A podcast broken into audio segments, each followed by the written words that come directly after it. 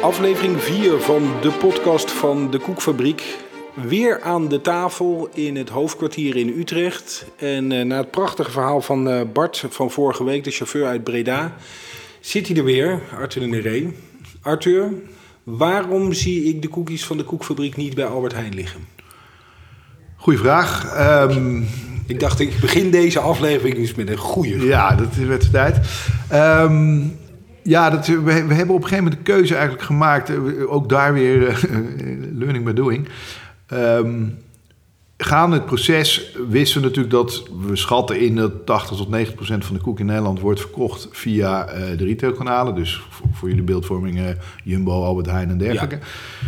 Ja. Um, alleen dan ben je dus een prijsvechter, zoals dat heet, 9 van de 10 keer. Hè. Als je even het uh, koekvak kijkt, dan bestaat eigenlijk alle koek, komt nooit boven ongeveer de 2 euro uit. En ben je een van de vele koeken die er worden aangeboden. Wij vonden eigenlijk al steeds langer daarover nadenken dat om ons verhaal goed te kunnen vertellen, we juist daar misschien niet moesten gaan liggen. Als je een merk bouwt, is natuurlijk op zich de hulp van een partij als Albert Heijn of een Jumbo uh, fantastisch, want die helpen je echt wel mee om iets in de markt te zetten. Maar je wordt er ook heel erg afhankelijk van.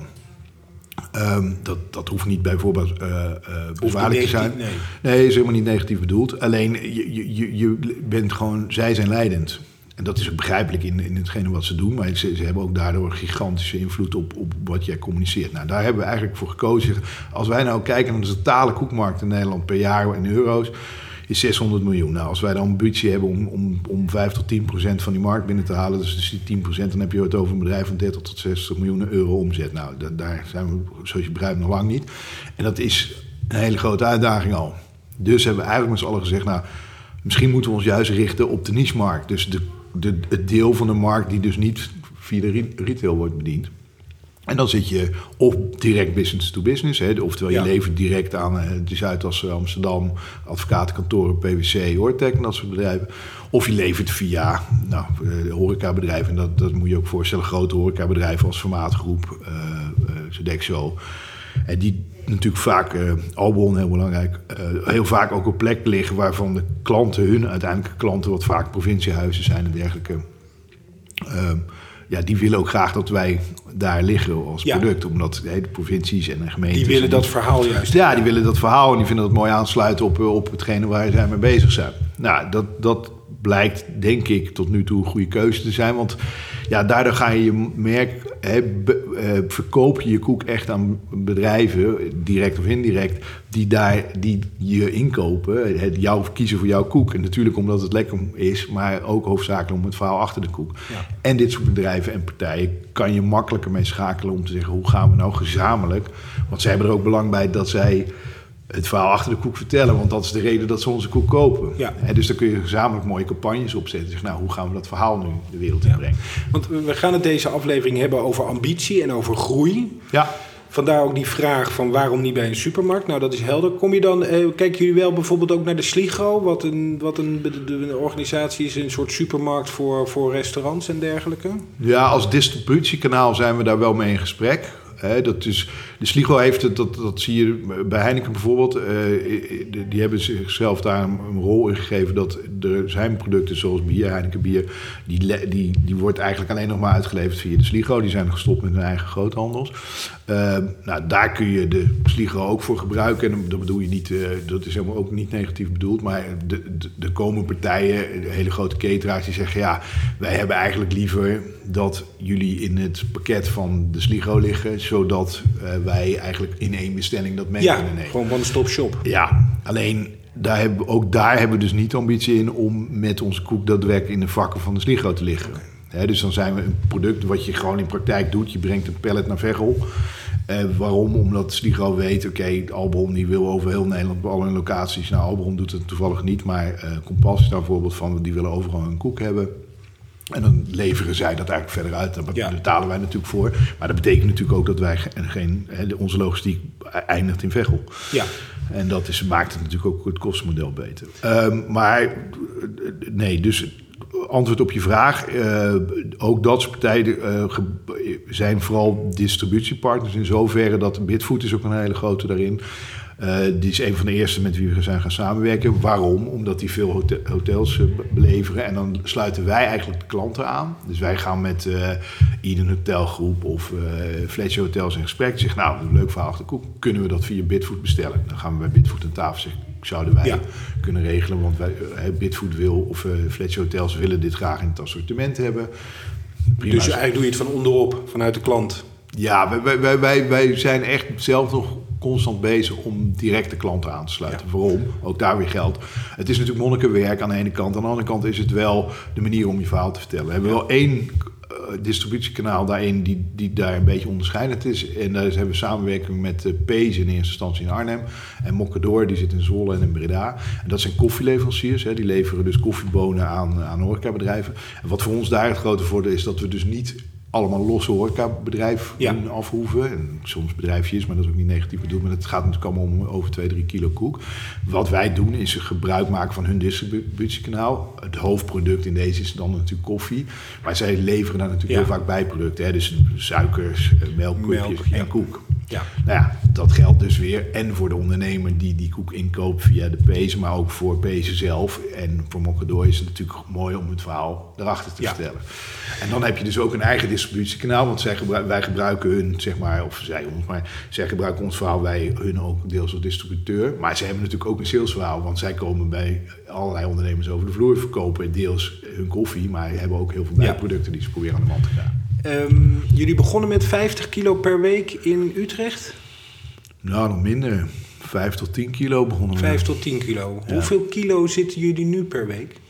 In die zes filialen die er zijn? Ja, vijf. We zijn nu echt per week aan het groeien. Maar we, hebben op 2000 kilo gezeten. Op een gegeven moment zijn we wat ingezakt. Omdat uh, ja, de, de, koek blijft natuurlijk niet het hoofdproduct van eigenlijk bijna geen enkele uh, afnemer van ons. Dus we we hadden wel op een gegeven moment de problematiek dat sommigen weer begonnen te bestellen bij hun normale leveranciers. En als we die leveranciers ons product niet voerden, nou, dan, dan vielen we eigenlijk weer af van. Jullie gewoon eventjes van. Oh, ja, dan werden we even vergeten. En hebben we eh, twee weken geleden onder leiding van onze commercieel directeur uh, Michel Martens die ook nog aan het woord komt, hebben we een keer een sessie gedaan van nou laten we eens bellen. Nou, dat was natuurlijk best spannend, want we hadden we ook te horen kunnen krijgen van allerlei partijen. Ja, jullie leverden nooit. Koek, was, niet, niet te was niet te nakken en weet ik veel wat. Maar er bleek eigenlijk allemaal de problematiek waar we know, op hoopt, tussen aanhalingstekens, dat ze eigenlijk zei: ja, we, zijn, we zijn per ongeluk een keer ergens weer gaan bestellen met onze normale leverancier. Nou ja, dat zijn we eigenlijk blijven doen, maar we vinden het eigenlijk een hartstikke leuk verhaal. Sluit maar weer aan. Dus we hebben eigenlijk, want die klant hoefde natuurlijk niet meer te overtuigen dat ze onze koek moesten. Uh, want die kennen jullie al. Die kennen ons al, dus we zijn eigenlijk weer begonnen met koek te bestellen. Maar goed, dat was even dus een dipje na de zomer in 2019. Ja. Maar, maar uh, hoeveel kilo zitten jullie nu? Ja, nu zitten Steven, stiefelen langs maar zeker weer op de 2000 kilo in de week. Dus dat is zeg maar uh, 3, 3, 350 kilo uh, per bakkerij. Dat verschilt heel erg per bakkerij wat de productiecapaciteit is. Dat is één, door de ruimte. Twee, door de mensen die er werken. Sommigen werken groter, zoals Breda is een grotere groep met een redelijk zware uh, afstand of grotere afstand tot de arbeidsmarkt. Maar bijvoorbeeld Rotterdam en Arnhem, daar werken veel meer mensen met een kleinere afstand tot de arbeidsmarkt. En daar ligt dus automatische productieniveau ja. natuurlijk ook wat hoger. En waar moet het heen gaan? Nou, de huidige productiecapaciteit uh, schat ik nu in op uh, toch wel uh, 4, 4.500, 5.000 kilo koek per week. In die zes filialen? Ja, en dan kun je dus nog doorgroeien, wat ik in de vorige uitzending al aangaf, naar nog vier bakkerijen erbij. Die moeten gemiddeld zo'n, afhankelijk een beetje nogmaals van de grootte en van de doelgroep waar we daar, die, die zich aandient, maar um, zo'n 3, 4, 500 kilo koek per vestiging per week kunnen bakken. Dus dan zou je uitkomen op 6, uh, 6.500 kilo per week. Ja, En dan is het dus klaar. Dan heb je 10 filialen, heb je 6.500 kilo uh, koek per week. Ja. Nou, en dan is dit de avontuur voorbij. Ja, dat, zou, dat was in eerste instantie wel de ambitie, ja. Ja, maar die is bijgesteld. Ook dat is bijgesteld. Ook dat is bijgesteld, omdat we dus daarom... Hey, waarom ook, dat is een andere reden waarom we niet voor het retailkanaal hebben gekozen... maar voor deze kanalen. Het is marketing en verkooptechnisch misschien een, een, een arbeidsintensieve kanaal... en niet alleen door de mensen met een afstand tot de arbeidsmarkt... maar ook voor de organisatie zelf. We worden wel zeer omarmd, want we hebben daardoor de mogelijkheid... om overal ons verhaal in TVG te vertellen. Uh, maar goed, we zien wel dat, dat het verhaal aanslaat. En dan ga je dus, dat heet een merk bouwen. Dat, dat is natuurlijk echt de, de, extreme vorm van marketing. Dat je zegt, nou ja, kijk, het gaat ons deels om de koek, maar om het verhaal erachter. En dan bouw je een merk. Dus mensen gaan op een gegeven moment de herkenning krijgen dat de koek gerelateerd is aan een, aan een bepaalde ambitie en missie die je hebt. Nou, en als je dat doet, dan gaat meestal die vraag steeds groter worden. En als je dat in productie moet gaan opschalen, dan heb je echt een uitdaging. Want productie opschalen is natuurlijk altijd veel ingewikkelder dan uh, gewoon een producent zoeken die wel de sociale, zelfde sociale Als je het zelf zou willen doen, bedoel je? Dus dat je zelf zo een, een fabriek in Amsterdam-West zou bouwen, bijvoorbeeld? Ja, dan ben je twee jaar verder, zeg maar. Ja, want dan en, moet je en, een enorme in, in, en een gigantische investeringen en, en je bent steeds groter productiebedrijf aan het brengen. En als je heel eerlijk bent, zijn wij natuurlijk uiteindelijk hebben we ook een keuze gemaakt door te laten zien en door te doen dat je met deze doelgroep kan werken, maar daar wel een grens aan stellen, omdat de ambitie niet meer hebben om die hele doelgroep aan het werk te krijgen, omdat dat gewoon simpelweg niet mogelijk is. Dus als je dan zegt, nou ja, goed, om dan ver, verder een, een duidelijk merk te zijn en, en, en ook je boodschap nog beter over de bühne te krijgen, dan moet je een substantiële grootte hebben. En de substantiële grootte houdt automatisch in dat mensen ook meer naar je gaan, gaan luisteren. Dus dat je je evangelie nog meer kan verkondigen. Maar daarin betrek je natuurlijk ook partijen. Enerzijds bijvoorbeeld bakkerijen, grote industriële bakkerijen die zeggen, nou wij willen, wij, wij gaan daarheen, zeggen wij zouden, zou je ons koek deels willen klaarmaken. En dat is echt, er zijn er genoeg grote bakkerijen, want we hebben daar al gesprekken mee gehad. Die zeggen, nou dat vinden we natuurlijk hartstikke, dat kunnen we sowieso. En, uh, maar, maar dat zijn gewoon een commerciële partijen. Even ja. niet, niet denigerend bedoel, maar die zijn gewoon op aarde gezet om, om veel koek te verkopen. Ja, maar die, hebben een andere missie en visie dan de koekfabriek. Ja, maar die, die, die zeggen vervolgens, is een van onze voorwaarden, zonder het heel hoge verplichtingen in te leggen. Maar we, we zeggen altijd wel van, als we gaan samenwerken, dan vinden we wel dat je ook eh, de sociale ambities die wij hebben moet gaan nastreven de impactambitie. En dat betekent dus dat je ook mensen met afstand tot de arbeidsmarkt een kans moet gaan geven. En eigenlijk. En dat hoeft dan niet een compleet, niet, niet, niet dat ze het hele bestaande personeelsbestand, maar een deel daarvan. Precies, want hun bedrijf. Ja, de ambitie moet in ieder geval zijn. Wat eigenlijk onze ambities in, in, in boodschap is, dat als al dit soort bedrijven twee, drie, vier mensen een kans geven op de arbeidsmarkt in binnen hun bedrijf, dan gaan we echt substantiële problemen oplossen, zeg maar. Of uitdagingen uh, aan. Uh, en ehm, nou, daar, daar, daar dacht ik in het begin altijd van, nou, dat zal wel behoorlijk uh, strijd gaan opleveren. Maar omdat, zij, omdat wij natuurlijk de, de kracht hebben dat we die samenwerking met die zorgpartij al hebben gemaakt, die zij vaak ingewikkeld vinden, maar wij goede partners daarin hebben, zeggen zij vaak, nou Arthur, ik wil best een deel van mijn eh, fabriek wat socialer maken en met deze doelgroep gaan werken. Maar dan moet je me daar wel bij helpen, want ja, ik weet gewoon, ik kan het weg gewoon niet in de UWV's, in al die sociale nee. telsels. Weet je, het maakt me ook niet zo heel veel uit, want dat is mijn core business niet. Maar als je mijn partij kan aandragen die me daarbij helpt, dan uh, bied ik die werkplekken wel. Ja, en nou, jullie hebben die ervaring, dus kun je die aandragen. Ja, dat is dus enerzijds die kant heb je. Uh, dus de kans daarmee dat je natuurlijk andere bedrijven een stukje socialer kan maken door dat je dat vraagt op het moment dat je koek bij ze gaat afnemen.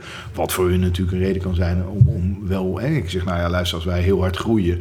dan kunnen wij bij verschillende grote industriële bakkers aankloppen. Dus, dus zeg, nou, weet je, we kiezen voor jou niet alleen vanwege je prijs of ding... maar ook vanwege je sociale ambities. Anderzijds is het ook zo dat wij verkopen natuurlijk per kilo... maar ook in zakjes van 100 gram... En die moeten gewoon ingepakt worden. Daar, daar zullen we in de basis nooit machinaal gaan. Omdat dat gewoon handwerk kan zijn. Nou, daar hebben we in Nederland, eh, wat al eerder genoemd werd, een aantal sociale werkplaatsen voor. Die natuurlijk wel langzaam wat aan het afbouwen zijn, maar die altijd op zoek zijn naar werk. Nou, hoe mooi kan het zijn dat je eigenlijk een soort keten uh, hebt, waar je niet altijd, altijd zelf als koekfabriek zijn allemaal ook daadwerkelijk het werk aan het uitvoeren bent. Maar als jij naar een SW-bedrijf, noem maar wat Scalabor in Arnhem gaat, waar we een samenwerking mee hebben, zeg nou ja, jullie gaan onze zakjes inpakken. Ja, dan op het moment dat je naar de ambities gaat wat wij hebben qua hoeveelheid omzet, dan ga je ook naar gigantische hoeveelheid kleine zakjes. Dan is er meteen substantiële uh, bijdrage. Ja, en, en het bijkomend voordeel is, opdat wij dus geen prijsvechter zijn, dan komen we terug bij de retail, hebben we natuurlijk meer marge om weg te geven aan een dergelijke soort partij. Zeg, nou luister, kijk, als jullie niet uitkomen met 10 cent, wat, wat de normale inpakker wel zou kunnen, maar jullie moeten 15, 20 cent hebben, prima, maar dan moet je wel dan moet je me laten zien waar die kostenstructuur uit bestaat. Dus dat jullie die mensen aan het werk houden, hartstikke goed. Maar als een directeur op zit die vijf ton per jaar verdient... of een pand van een gemeente is waar jullie twee ton per jaar voor betalen... ja, weet je, daar gaan we niet aan mee betalen. Want dat is gewoon niet marktconform. Dat jullie dat zelf allemaal bedacht hebben, dat is prima. Maar dat, is, een dat is niet van, Ja, dat is rond, rondpompen van gemeenschapsgeld. En daar werken we niet mee. Hoe gaat dat eigenlijk bij jullie? Ehm, eh, het is een commercieel bedrijf, maar, maar is daar een soort afspraak over dat een deel uh, winst is en de rest wordt allemaal in het bedrijf gestopt? Hoe, hoe, sociaal is het? Ja, dat is een goede. Nou, we, we, zijn daar ook, want een van uh, onze partners op dit moment, althans een van onze participanten, is Stichting Doen. Die, die zijn, daar zijn we nu mee bezig om, die zijn deels in het bedrijf aan het stappen. En die hebben inderdaad als voorwaarde, het Stichting Doen is het participatiefonds van de Postcode Loterij, dus van alle loterijen. En dus die, die, die, geven, die geven niet weg, zeg maar, maar die lenen investeren, en investeren in, uh, in impactondernemingen.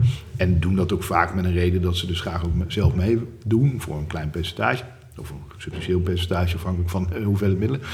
Um, um, en, uh, Zij stellen daar voorwaarden aan. Ja, en ja daar, daar, ging het toch. Dankjewel. Um, de, zij stellen dus inderdaad voorwaarden in dat je in je statuten bijvoorbeeld opneemt dat een bepaald substantieel deel teruggaat naar de arbeidsparticipatie. En natuurlijk nogmaals, we moeten winst maken en het moet ook aantrekkelijk blijven voor andere partijen om in te stappen. Alleen alle partijen die tot nu toe zijn ingestapt, en het zijn er nog niet heel veel, maar er zijn uh, drie private of vijf private investeerders en, en de Stichting Doen dan, die zitten natuurlijk wel in de wedstrijd voor langere termijn. Ja. En die zeggen ook, ja, kijk, als dat voorlopig uh, bedoeld is uh, om, om die middelen die beschikbaar worden gesteld, om het bedrijf te verder te krijgen en daardoor de impact groter te maken, nou, is ook prima. prima. Uh, en bovendien, uh, als je het uh, op de beurs belegt of op een spaarrekening zet, krijg je er helemaal niks meer voor. Dus, nou, beurs, dat, beurs dat weet ik niet helemaal. Dat hangt een beetje vanaf welke ja, aandelen je ja, doet. Maar ja, op de bank, bij de bank is dat... Ja, kijk, dit, dit, dit, soort investeringen... We hebben ook een heel groot gedeelte crowdfunding gedaan. Dat zijn allemaal dus gewoon particulier, vaak particuliere nou, beleggers kan je bijna niet noemen, maar de mensen die dus een deel van hun spaargeld hierin stoppen, natuurlijk ook met een bepaald rendement, maar ook wel met een bepaald risico. Dat realiseren ze allemaal. Maar daar is die groep heel groot. Ja, de groep maakt behelst natuurlijk ook automatisch dat het wij ook een vorm van onze marketing is. Want die mensen vertellen ja. natuurlijk allemaal, allemaal door ja. dat ze zo'n mooie investering hebben gedaan in de koekfabriek. Ja. Um dat hele grote groeien, dat, dat, dat, dat, dat gaat komen. Maar we zitten nu uh, op zes vestigingen. Wanneer zit het dan op die tien, en, uh, tien vestigingen en ongeveer uh, zes, zes en halfduizend kilo? Over welke termijn praten we dan? Ja, de, de, kijk, als wij nu naar de substantieel deel groeien van onze huidige productiecapaciteit, wat wel hard gaat, want we, nogmaals, we sluiten elke week nieuwe klanten aan. En een aantal grote klanten hebben dit, dit jaar deals meegemaakt, zoals Formaat en Albron. En dan moeten wij namelijk wel zelfstandig weer elke... Hè, Albron heeft 650 vestigingen en wij moeten zelf weer die vestigingen langs... om de vestigingsmanagers ervan overtuigen dat ze met ons... Hè, dus dat, dat moet eerst snel. Maar goed, dan ben je al wel binnen. Hè. Je staat op een bestellijst, ja. dus als je die vestigingsmanager overtuigt... zegt nou prima, je kan hier en hier bestellen. Nou, dat is allemaal aansluiten, dan, dan zie je het gewoon groeien, groeien, groeien. Dat betekent ook automatisch dat je natuurlijk aan de logistiek en de productiekant ook altijd weer uh, gekraakt krijgt. Nou, dat moeten we dan tackelen.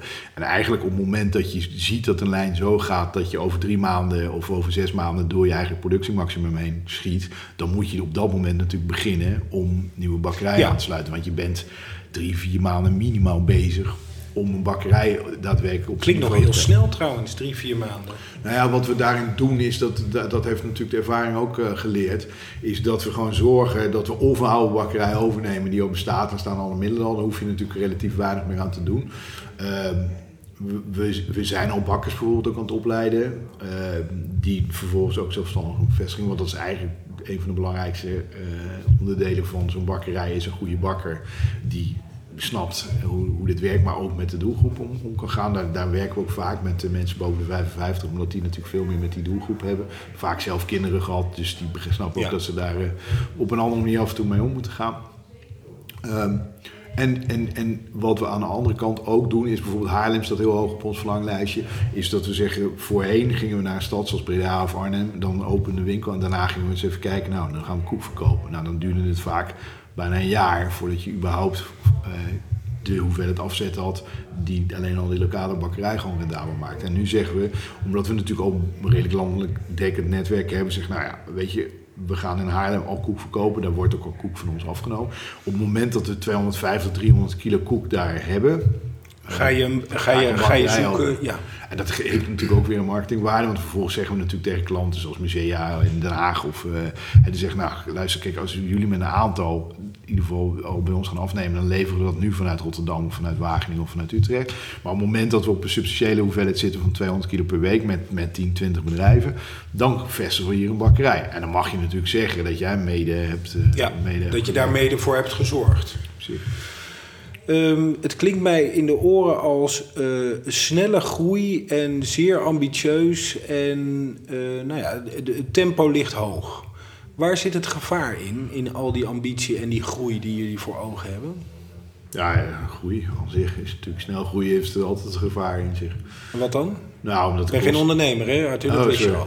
Ja. ja. de kosten gaan altijd uit voor de baten. Hè? Dus, uh, en naarmate je natuurlijk snel groeit en je moet je meer kosten maken en de baten komen er pas achteraan. Daar, dat is ook een van de redenen van het op klein niveau uh, we nu een nieuwe bakkerij openen. Als jij natuurlijk al een afzet hebt van 300 uh, kilo per week, dan heb je eigenlijk op het moment dat je sleutel omdraait binnen 1, 2 maanden, want je moet even het proces op gang brengen, maar dan is de lokale bakkerij al rendabel. rendabel. Maar, dan, maar als je dat dan zegt, dan denk ik, oké, er is dus geen gevaar. Dus je kan nu eigenlijk makkelijk groeien, want je creëert al ergens een afzetmarkt en dan zet je er pas een bakkerij neer. Oftewel, je neemt het echte risico pas als er een afzetmarkt is. Ja, maar je hebt me ook net horen zeggen dat ik bij de eerste zes dat niet heb gedaan. Dus we nee, maar vanaf nu is dat risico dus kleiner. Ja, maar je zit nu al op zes bakkerijen die dus deels ook onder uh, kostprijs, of niet onder kostprijs, maar onder break-even aan het produceren zijn. Omdat we er dus langere tijd voor nodig hebben gehad om te zorgen dat ze wel op dat punt komen. Dus in de toekomst geleerd weer, doen we dat anders. Daarom is dat we al lang de ambitie om 2019 deel uh, in ieder geval Haarlem in ieder geval in de, in de lucht te hebben. Maar dat, dat zal echt 2020 worden. Ja. ja dus waarschijnlijk gewoon ook uh, vanwege de spreiding. Maar één Haarlem is mooi, hè, want dan heb je Rotterdam, Haarlem, dan heb je de hele Westkust, zeg maar. En uh, nou, dan zou dus Eindhoven, want dan zit je echt, wel meer naar het zuiden toe. Of helemaal naar het noorden. Maar zuiden is natuurlijk echt wel een onontgonnen gebied voor ons. Uh, maar tot dan, ja, kijk, uh, de loka je hebt eerst een punt van een lokale bakkerij die daar moeten worden. Dus dat je gewoon die bakken huur en, en de mensen het kan betalen en je ingrediënten. Maar daarnaast zit je hier op een hoofdkantoor waar uh, gelukkig we langzaam zeker ook wat behoorlijk wat kapabele mensen bij elkaar hebben verzameld. En die kost ook geld. Ja. Um, dus ja, dat moet ook nog terugverdienen. Maar wanneer, wanneer is dan dat punt van die tien bakkerijen bereikt? In de loop van 2020? Ja, ja, we moeten, we moeten een beetje voorzichtig. Als je het me twee maanden geleden had gevraagd, of vier maanden geleden, dan had ik direct ja geknikt. Maar, maar dat komt door dat dipje waar je doorheen bent gegaan. Ja, dat je toch iets meer dacht van, hé, hey, wacht even. Ja, je moet natuurlijk wel gewoon, eh, ook in dit soort zaken, wel eerst je focus bewaren. Weet je, natuurlijk is het goed om uh, punten voor je op de horizon te stellen, maar dan moet je de tussenpakketpaaltjes ook behalen. Nou, dat betekent gewoon, we hebben gewoon nog gigantische productiecapaciteit nu. En nou, als die groei gewoon doorgaat zoals we nu doen, dan, dan sla je langzaam die pakketpaaltjes. Maar goed, als je dus terugzakt naar uh, vanaf 2000 tot terug naar 1200 en je moet nu weer opnieuw opbouwen, dan betekent dus dat je een tijdje bezig bent voordat je naar je huidige productiecapaciteit. En in feite kijk je dus niet naar aantallen filialen, maar kijk je naar hoeveel productiecapaciteit heb ik. Ja. Ja, deels. Natuurlijk kijk ik wel in de, de marketing achter, hè, dus de conceptvorm naar de hoeveelheid filialen. Omdat ik zeg, ja, deze, uh, ik wil een landelijke dekking hebben, zodat zeker uh, vanaf Zwolle tot Eindhoven, van Haarlem tot uh, Rotterdam, tot Arnhem, iedereen weet in een heel groot gebied wat wij doen. Heb je nog veel concurrenten op dit gebied? Ja, we zijn. De, de tijd, heb ik dat als, de tijd heb ik dat als concurrenten gezien. Uh, alleen ik ben op een gegeven moment afgestapt en zei... ja, eigenlijk moeten we elkaar gewoon... Weet je, in de horeca wordt vaak con-collega's genoemd. Dat is natuurlijk een beetje wassen neus. Want uiteindelijk wil je dat de gasten liever bij jou aan tafel zitten dan bij je buurman. Uh, maar goed, je weet ook in de horeca dat als jij als straat zijn gezamenlijk zorgt dat het aantrekkelijk is om daarheen te komen, dan profiteer je er allemaal van. Ja, dat, dat is natuurlijk verschillende manieren van naar een markt kijken. Of je gaat heel erg afgeven op, op je concurrent. Omdat je echt werkelijk precies hetzelfde doet. Of je probeert elkaar te omarmen. Nou, als je dan uitgaat van arbeidsparticipatie, moet je natuurlijk eigenlijk alle bakkerijen die hetzelfde doen. Dus in ieder geval arbeidsparticipatie heel hoog in een vaandel hebben staan. Ja, die moet je omarmen. Dat zijn we ook aan het doen. Eigenlijk was dat een van de eerste wapenfeiten die Michel heeft gedaan. Van nou, laten we zoeken welke synergie we kunnen vinden met andere bakkerijen die hetzelfde doen. En er is eigenlijk nu één grote uitgekomen die ik al eigenlijk in dezelfde periode is begonnen en op dezelfde ambitie als een koekenbakkers met CK uit Amsterdam. En die zijn nu ook bij Amsterdam weggegaan met die bakkerijen. En dat was voor hun, uh, zij leveren wel de retail. Zij zijn net een koken, een mooie koken met zes verschillende koeken en werken met dezelfde doelgroep. Maar zij zijn ingetrokken bij ons in Wageningen. Wageningen hebben een hele grote soort productiebakkerij van 400 vierkante meter in het Nederlands Bakkerscentrum. dus daar is geen winkel. En daar hebben we eigenlijk gewoon gezegd, nou, een deel wordt door de koekenbakkers gebruikt en een deel door ons. Ehm, alleen voor de buitenwereld, zeker ook voor de mensen die die werken, ja, die voelen niet heel erg daar verschil in. Dus daar creëer je natuurlijk in één keer heel veel arbeidsplekken weer erbij. En, en, en je versterkt elkaar natuurlijk ook, want je gaat gezamenlijk boter inkopen. Dus er zijn heel veel uh, synergieën natuurlijk in te vinden. Maar dan weer terugkomend op je vraag, uiteindelijk zijn mijn concurrenten eigenlijk de ja, van oudsher zou je eigenlijk zeggen, gek genoeg, dat eh, onze normale concurrenten zou ambachtelijke bakkerij moeten zijn. Dus een bakkerij om de hoek. Maar wat ik al zei, die, is... die bakken zelf niet meer. En dan kom je in de industriële bakkerij. Nou, dan kunnen wij wel als een concurrent zien, maar die zien ons niet als concurrent. Waarom? Want die produceren op 2 cent per koekje en wij op 9. En dus zij, zij produceren vooral op prijs en op hoeveelheid. Daar waar wij op kwaliteit en op arbeidsparticipatie produceren. Ook omdat we die arbeid uh, uh, moeten betalen. Uh, dus uh, versterkt het elkaar eigenlijk alleen maar. Dus we zijn echt samenwerking aan het zoeken met allerlei van dit soort initiatieven. En dat heb je, uh, Koekje van Eigen Deeg, is een hele leuke dame uit de buurt van Nijmegen. ouders hadden een bakkerij en die is, heeft er nu tegenover gestudeerd. En is daarna vervolgens gedacht van, nou eigenlijk vind ik het wel leuk om wat met dat koek te doen. Alleen niet zoals mijn ouders ooit hebben gedaan met de echte bakkerij. Maar ik wil eigenlijk kijken of ik met de verpakkingkant wat kan. Dus die is heel erg aan het zoeken van, kan ik een verpakking vinden die volledig biologisch afbreekbaar is. Uh, nou, daar staat zij bijvoorbeeld ook bij, bij de Jumbo. Daar zou het natuurlijk mooi voor zijn dat wij uh, vervolgens de... de het is mooi, wij, even omschrijven. Wij zitten hier gewoon in een werkend hoofdkantoor. Dus de deur gaat even open, want ja. het is rond lunchtijd dat we dit opnemen.